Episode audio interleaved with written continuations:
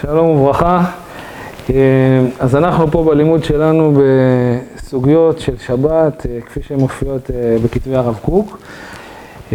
מה שהיום רצינו לעסוק זה בעצם בעניין של אבות מלאכה. מה המשמעות הרוחנית של אבות מלאכה ושל המקור שמהם הן נלמדות.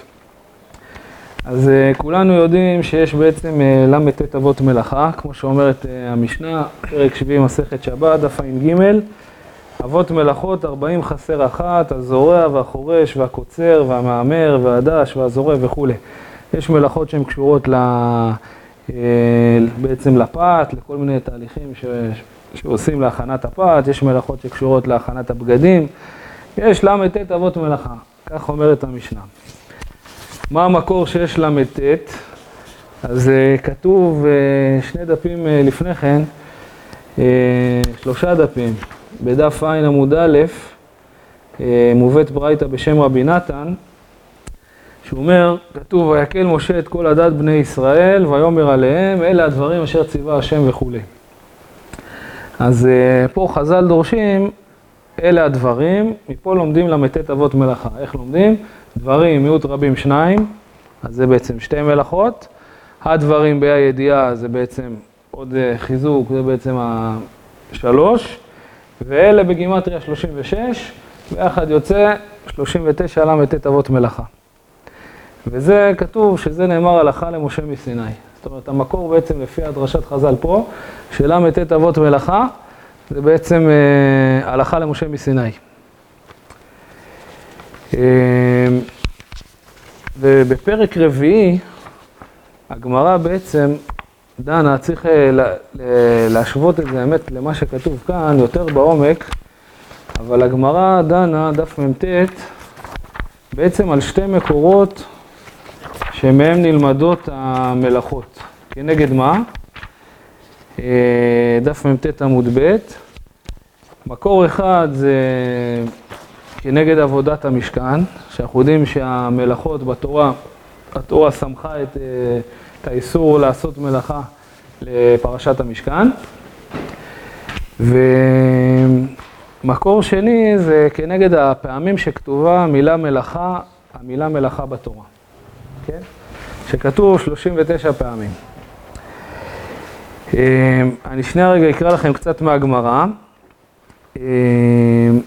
כמיבא, ישבו שני תלמידי חכמים, וכמיבא אלהו, עד אתנן אבות מלאכות, 40 חסר אחת. כנגד מי? כן? כנגד מי זה נאמר? ראינו שזה הלכה למשה מסיני, אבל עדיין, למה ייחסו את זה? ייחסו את זה, מה המקור בתורה? אנחנו יודעים שיש 39, אבל יש איזשהו מקור בתורה שאליו אנחנו תולים את, ה, את האיסור הזה של, ה, של המלאכות. אז נחלקו פה חכמים, אמר לו רבי חנינא בר חמא כנגד עבודות המשכן. לפי רבי חנינא בר חמא, ל"ט אבות מלאכה כנגד עבודות המשכן. רש"י פה מסביר שהרי אם אנחנו נסתכל במשנה, יש כל מיני מלאכות שהן דומות אחת לשנייה. זורע, בורר ומרקד, כמו שהגמרא אומרת, היינו זורר, היינו בורר, היינו מרקד. אז מאיפה אמרו לחלק? אז היה איזשהו לימוד שזה 39, כמו הדרשה שאמרנו קודם, וכמו שאפשר להגיד כאן, שלומדים דווקא ממלאכות מסוימות במשכן. אז זה בעצם דעה אחת, כנגד המשכן. דעה שנייה, אומר רבי יונתן ברבי אלעזר, כך אמר רבי שמעון ברבי יוסף בן לקוניה, כנגד מלאכה, מלאכתו ומלאכת שבתורה. 40 חסר אחת. אם נספור כמה פעמים כתוב מלאכה, מלאכתו, מלאכת, יצא לנו כמה? 99. 99. אתה ספרת פעם? יוצא יותר, לא? יוצא יותר, נכון? אז יש על זה כל מיני תירוצים. יש מי שאומר שדווקא המילה מלאכת, לא זוכר מי מסביר ככה, אבל דווקא המילה מלאכת, אבל זה לא מסתדר עם הדרשת חז"ל פה, שכתוב מלאכתו, מלאכתו, מלאכה, מלאכת. בכל מקרה, לומדים שיש ל"ט אבות מלאכה, מהפועל שמופיע העניין של המלאכה. בעצם מה שאני רוצה שהיום ננסה טיפה להתייחס, מה עומד מאחורי הדברים. אם יש לנו שני מקורות של הלימוד, מה הרעיון הרוחני שעומד מאחורי הדברים? מה היחס בין שבת למשכן, שהמקור למלאכות נלמדות מהמשכן, זה בעצם דרך אחת. דרך שנייה, מה זה קשור לעניין של המלאכה הפעמים שהמילה מלאכה מופיעה בתורה. אה, אז בזה בעצם הרב קוק עוסק. אני רק אקדים עוד, אה, עוד משפט אחד, הגמרא פה בהמשך דנה, שבאי רב יוסף, רב יוסף שואל, האם הפסוק שנאמר על יוסף הצדיק, ויבוא הביתה לעשות מלאכתו, האם זה חלק, מה... האם זה חלק מהמניין של המלאכות או לא? אז שם אביי מתרץ לו, תוציא ספר תורה, תבדוק האם זה חלק מהמלאכות או לא. אה, ובאמת ההסבר פה, יש בעצם שאלה האם הביטוי הזה שנאמר, הפסוק שנאמר יוסף הצדיק, הוא חלק מהמלאכה או לא, יש בזה עוד איזה אה, שאלה פה בגמרא, שבעצם זה פותח אותנו לעוד שאלה, מה הקשר בין יוסף הצדיק בעניין הזה, האם זה חלק מהמלאכות או לא חלק מהמלאכות. אה, ברוך אתה אדוני למקום שהכל יהיה ברוך. הרב קוק עוסק בהרחבה, האמת, בסוגיה הזאת, יש לו כמה פסקאות בניה, אז אה, אנחנו נראה כמה נספיק, עשיתי ללקט ככה חלק. אה, ובעצם אנחנו רוצים להתמקד, אז אמרנו בשלושה נושאים, מה העניין הזה שהמקור למלאכות זה מהמשכן, נושא ראשון, מה העניין שזה קשור למספר מלאכות שבתורה, וגם מה העניין של יוסף הצדיק, האם הוא חלק מהמלאכות או לא. אולי רק נעשה עוד הקדמה קטנה, בעצם בכלל צריך להבין מה היחס בין מנוחה לבין, לבין מלאכה, בין השבת לבין ששת ימי המעשה. אז הרב קוק מסביר פה באחת הפסקאות בעין היה, שהשבת היא מבטאת אה, מנוחה אלוקית, כמו שכתוב, וישבות ביום השביעי, וינח ביום השביעי, ובעצם זה שאנחנו שומרים על השבת, מקיימים את השבת, בעצם אנחנו נדרשים להתחבר באיזשהו אופן לאותה מנוחה אלוקית. המנוחה האלוקית הזאת יש לה שני עניינים. זה גם אומר שאנחנו פוסקים מלעשות את המלאכה שלנו, זאת אומרת שאנחנו מבינים שהקדוש ברוך הוא אה, פועל הרבה מעבר למעשים האנושיים. זה תובנה אחת, זה בעצם אנחנו משוחררים מכל אה, טורח ויגיעה. זה בעצם עניין אחד. והעניין השני זה גם הערך של הדבר. זה שהקדוש ברוך הוא זה שפועל, זה בעצם מראה שזה פעולה לעילא ולעילא. זה לא רק שאנחנו שובתים וזה לא, לא רק תלוי בנו, אלא זה שהקדוש ברוך הוא זה ש, שפועל עכשיו, והכל מאיתו יתברך, שזה תובנה ואמונה שאנחנו זוכים להגיע אליה בשבת ביתר שאת, זה בעצם שתי בחינות במנוחה. בסדר? זה גם לא אנחנו פועלים, גם יש איזשהו פחות טורח ויגיעה, איזה מצב נפשי כזה של אה, מנוחה. וגם בעצם האיכות של הפעולה והאיכות של ההתגלות, זו התגלות שהיא לעילא ולעילא שבאה מהשם יתברך. בעצם אפשר לומר שכל ימות השבוע ויום שישי אנחנו שופטים. כנ"ל הקדוש ברוך הוא, אבל הקדוש ברוך הוא גם בשבת הוא פועל. כן, טוב, כתוב, אני אמרתי פעולה אלוקית. למרות המנוחה. כן, נכון. כן, כתוב וינח, אני באמת אמרתי את הלשון פעולה אלוקית, אבל יותר אולי הכוונה התגלות אלוקית. זה לא שהקדוש ברוך הוא פועל, הוא שבת בעצמו, זה עניין של אה, התגלות כזאת. גם הקדוש ברוך הוא נח. אה. כן, אבל זה, אנחנו מבינים שהקדוש ברוך הוא פועל את הכל. הוא מתגלה ביתר שאת. אה, אז בעצם, זה קצת היחס בין ה... אז זה בעצם מה מבטא את המנוחה, מה המלאכה בעניין הזה.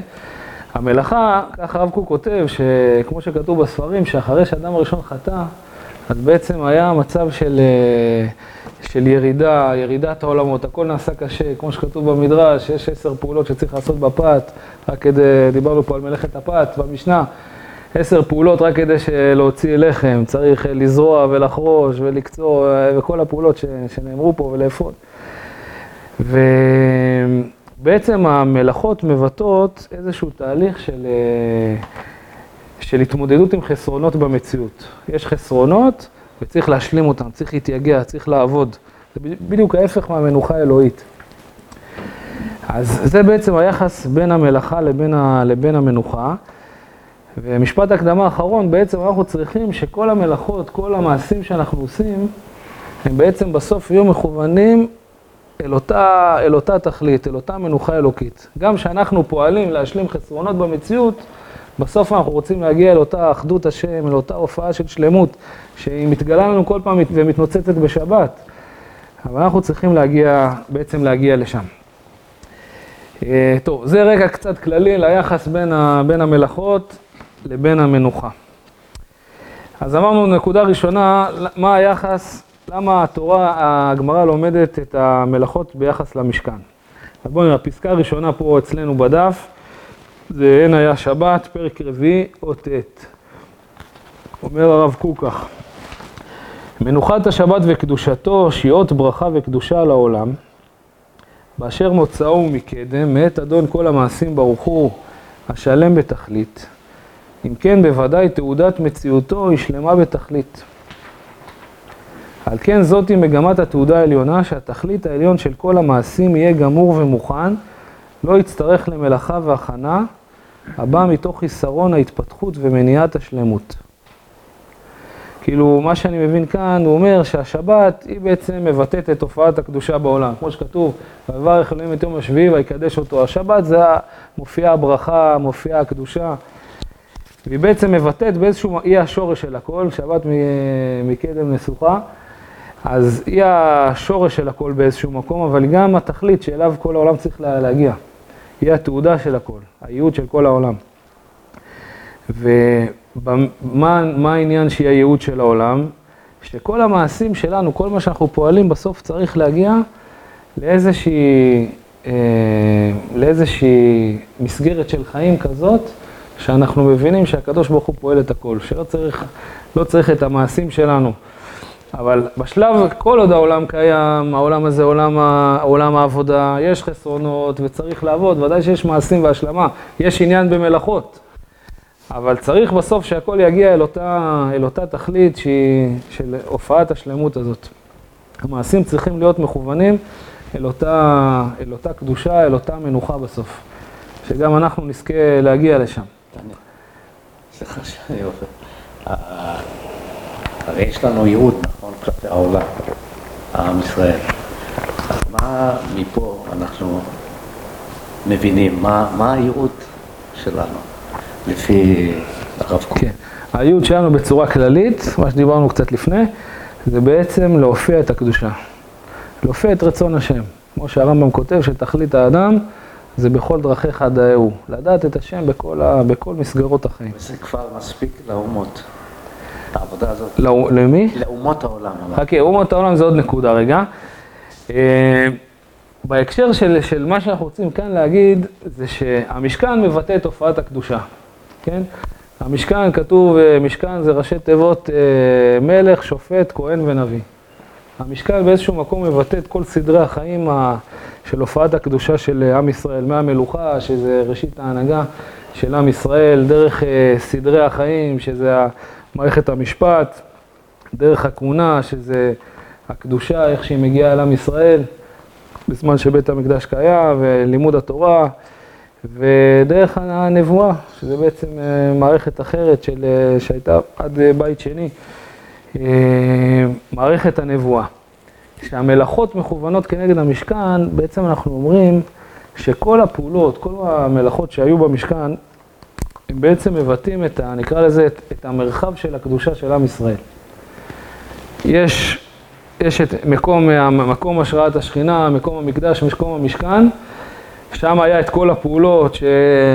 ועבודת השם של הכוהנים והלווים של ישראל, ובעצם כשאומרים שמלאכות השבת הן כנגד המשכן, בעצם אנחנו אומרים כל סדר הקדושה של עם ישראל הוא צריך להיות קשור אל, ה, אל השבת. כל המלאכות שדיברנו עליהן, שעניינם זה להשלים חסרונות במציאות, זה הכל בסוף יונק מהקדושה, מתוך המרחב, המרחב שעם ישראל אה, צריך ללכת בו, הקדושה של עם ישראל.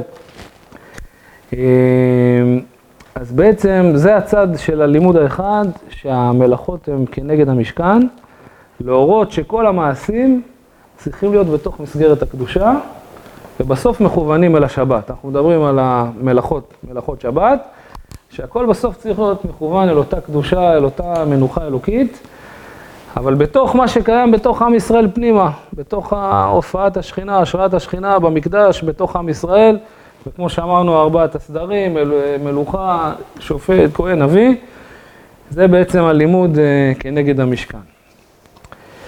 הלימוד כנגד מלאכה מלאכתו במלאכת שבתורה, הרב קוק פה מטיל איזה פצצה מעניינת.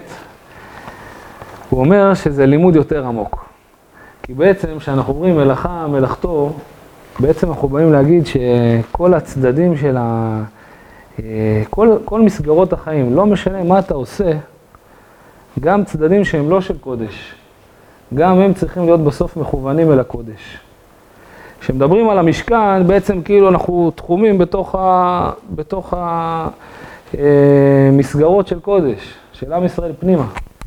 אבל כשמדברים על המלאכה, מלאכתו, מלאכת, בעצם מדברים על כל דבר שהוא קשור למלאכה, גם דבר שהוא לא קשור לקודש.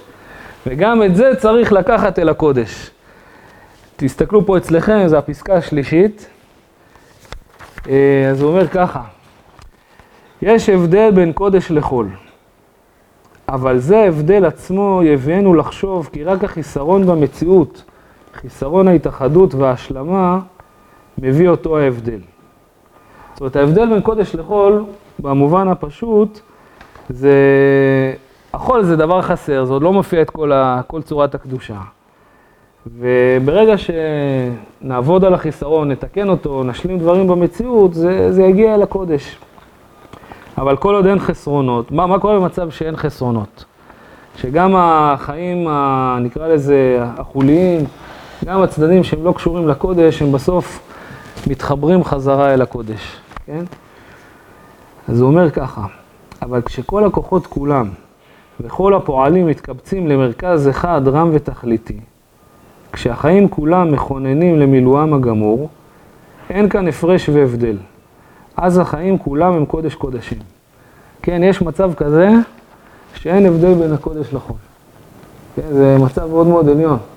הכל זה קודש קודשים. אם הכל מכוון לאיזה תכלית אחת, הזכרנו פעם בלימוד שלנו פה שכתוב שלומדים על התפילין מהכהן הגדול. מה התפילין של הכהן הגדול, יש בו רק אזכרה אחת, על אחת כמה וכמה התפילין שיש בהם אזכרות הרבה.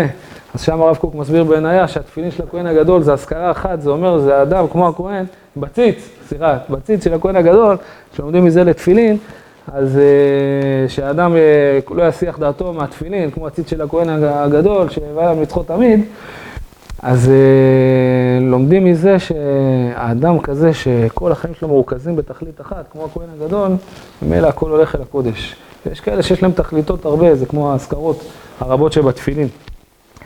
בכל מקרה, אז אם אדם חי את התכלית הזאת בצורה כזאת uh, שלמה, כל החיים שלו נעשים קודש קודשים. כן? כולם צריכים לבוא לידי אותה התעודה העליונה של המנוחה הגמורה. זה בעצם, הוא חי את השבת כל הזמן. שאין עימה עמל והגיעה, ואין עימה הכשר והכנה, כי אם כולו אומר כבוד, כן? פה נותן פירוש לפסוק, כולו אומר כבוד. כל החיים אומרים את כבוד השם.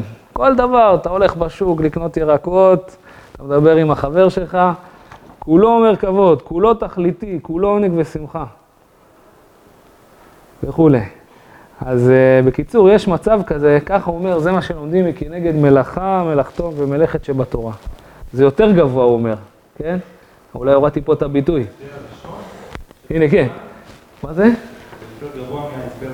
של המשכן, כן, אני לא קראתי את המשפט, הוא אומר כך, על כן עוד למעלה מאותו הכיוון המיוחד של לעומת עבודת המשכן, הוא הכלל הכולל את הקודש ואת החול. את הטבע ואת העשייה, כולם יחד באגודה אחת. אינם עומדים להתקדש בקדושת יום השבת ליום שכולו שבת. לא רק המרכז יתעלה, כי אם כל הענפים כולם וכולי. כן? הבנתי גם שהמלאכות במשכן זה היינו נוח מלזה, מה החיסרון שאין לך לחם? אתה צריך לעשות מלאכות. ויום גם את המלאכה של עשיית לחם. הגעת לתיקון של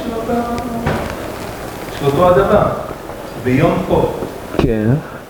עוד פעם, שתסביר לי יותר עוד פעם, שמה... המלאכות נגד העבודה שהייתם. שירדה, אנחנו צריכים להגיע לתיקון של אותה... נגיד פת, עשרה דברים השונים. ביום חול, אתה גם צריך לאכול פת. אז עשית עשרה דברים, הגעת לעשית כמה קטנה חלק ביום חול, משהו מכוון כנגד המשכן כן. זה הכל. כן. ביום חול יש מצב של משכן. כן. ככה הבנתי אותו לפני. תראה, אם אתה לא לומד באמת את ה... אנחנו מאורגנים כבר שהמלאכות זה מהמשכן, ויש לנו, כן, ככה אנחנו מורגלים, ואלו המלאכות. אבל אם אתה לומד לכאורה מלאכה, מלאכת וזה, אולי אתה מגיע למלאכות אחרות. ואז אולי בכלל מלאכות אחרות. בכל מקרה, אבל הרב קוק פה הולך ל... לעוד כיוון. בעצם אם נסכם עד, עד כאן, יוצא שה... ה...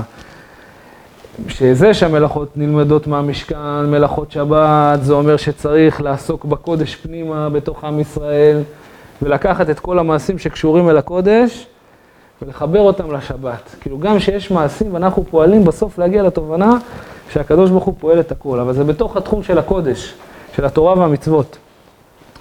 אבל זה שהגמרא דורשת דרשת חז"ל אחרת, שלומדים מהמלאכה מלאכת, זה בעצם אומר שצריך לקחת את כל צדדי החיים ולקחת אותם אל הקודש, והרב קוק אומר זה בעצם לימוד יותר גבוה.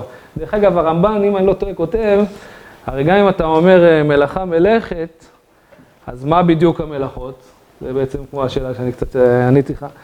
אז גם, גם מי שאומר מלאכה מלאכת, הוא זקוק למשכן, אז זה אולי קשור למה שאתה מעיר. אז הוא זקוק למשכן, כדי לדעת מהן המלאכות. זה שאתה לומד מניין 39, בסדר גמור, אבל אתה עדיין זקוק למשכן. אה, רק נלך עוד שלב אחד, שהגמרא הולכת, ונסביר פה איך שהרב קוק מבאר, זה שהגמרא מתלבטת האם לקחת את הפסוק של יוסף הצדיק, ויבוא יוסף, ויבוא הביתה לעשות מלאכתו, האם זה חלק מהמניין או לא, כן? ושם יש צדדים, כי בעצם אה, יש עוד פסוק שאומר, והמלאכה הייתה דיים, ואז השאלה, איזה פסוק אתה מכניס בפנים, המלאכה הייתה דיים, או ויבוא הביתה לעשות מלאכתו. אם אתה אומר המלאכה הייתה דיים, אז אתה אומר, הפשט זה לא מדבר על מלאכה, זה רק בא לדבר על הנדבה, שם בפרשת תרומה, בא לדבר על הנדבה שהפסיקו מלתת תרומה. ואז ויבוא יוסף לעשות מלאכתו, הוא בא לעשות מלאכה. ולומדים מלאכה מיוסף הצדיק. אבל אם אתה אומר, והמלאכה הייתה דיים, ככה רש"י מבאר, שעשו בצורה מדויקת, לא יותר מהשיעור ולא פחות מהשיעור, למשל היו מרדדים את, ה, את הפחים למזבח, אז היו מרדדים באיזה צורה לא יותר מדי ופחות מדי, אז זה כן קשור למושג מלאכה, ומשם אתה לומד את ה-39 של המלאכות. אז ויבוא יוסף לעשות מלאכתו, שם מדובר על ה... שהוא הגיע לאשת פוטיפר, כמו שחז"ל דורשים, ויבוא לעשות רחב ממש, ואז זה לא חלק מהל"ט מלאכות. בכל אופן, מה העניין פה, למה לומדים את זה על יוסף הצדיק? אז בעצם הרב קוק פה הולך לעוד שלב. יש מצב שעם ישראל לא מופיע, הוא בכלל לא נמצא במקום שלו, כן? הוא קורא לזה, אה, אה, כמו שכתוב בשיר השירים, ויתרו כרמים ולא כרמה שלה, כן? כרמי שלי לא נטרתי. לא מופיעים בכלל את, את מי שאנחנו, ובכלל לא במקום. אתה באדמת נכר, נמצא במצרים, בכלל עבד לפרעה, זרוק בבית האסורים. האם שאנחנו בתור, אה, גם אנשים פרטיים, והמשל זה יוסף הצדיק, נמצאים במקום בכלל לא לנו, האם זה עדיין חלק, מה, חלק מהקודש? הלכנו שני שלבים. שלב אחד, אתה בתוך התורה והמצוות, בתוך המשכן, זה ודאי קשור לשבת. הקודש ודאי קשור לאותו אור, אור העתידי. שלב שני, הרחבנו את זה, גם אתה לוקח את הצדדים של החול. גם כל החיים שלך, בכל דרכיך דאהו, אתה מחבר את זה לקודש. זה הלימוד השני, מלאכה מלאכתו. השלב השלישי זה עוד יותר עמוק, זה מה שהגמרא מתלבטת, אומר הרב קוק בלשון שלו פה, זו שאלה מעניינת. האם עכשיו שבכלל עם ישראל לא נמצא בארצו, או אדם, ניקח את זה לעבודת השם הפרטית, אדם בכלל לא נמצא במקום שלו, בכלל נמצא בניסיון עם, אשת פוטיפר. כתוב ברמח"ל אגב, אשת פוטיפר, לא זוכר איפה הוא כותב את זה בדיוק, אבל זה היה איזה בחינה של תיקון, שיוסף ראה איזה נקודה לתקן שם, לכן בכלל היה איזו התקשרות מסוימת איתה. האם, האם גם זה קשור אל הקודש? אז זה בעצם ההתלבטות, הנזכה בעזרת השם, שבעצם כל הצדדים, אה, כל הצדדים של החיים שלנו יהיו קשורים אל הקודש, גם ודאי הצדדים שקשורים אל הקודש פנימה, גם הצדדים שקשורים אל כל מערכות החיים, וגם אנחנו מטיילים לנו בעולם במקומות לא לנו, בעזרת השם שזה גם אה, יתחבר אל הקודש, חזק וברוך.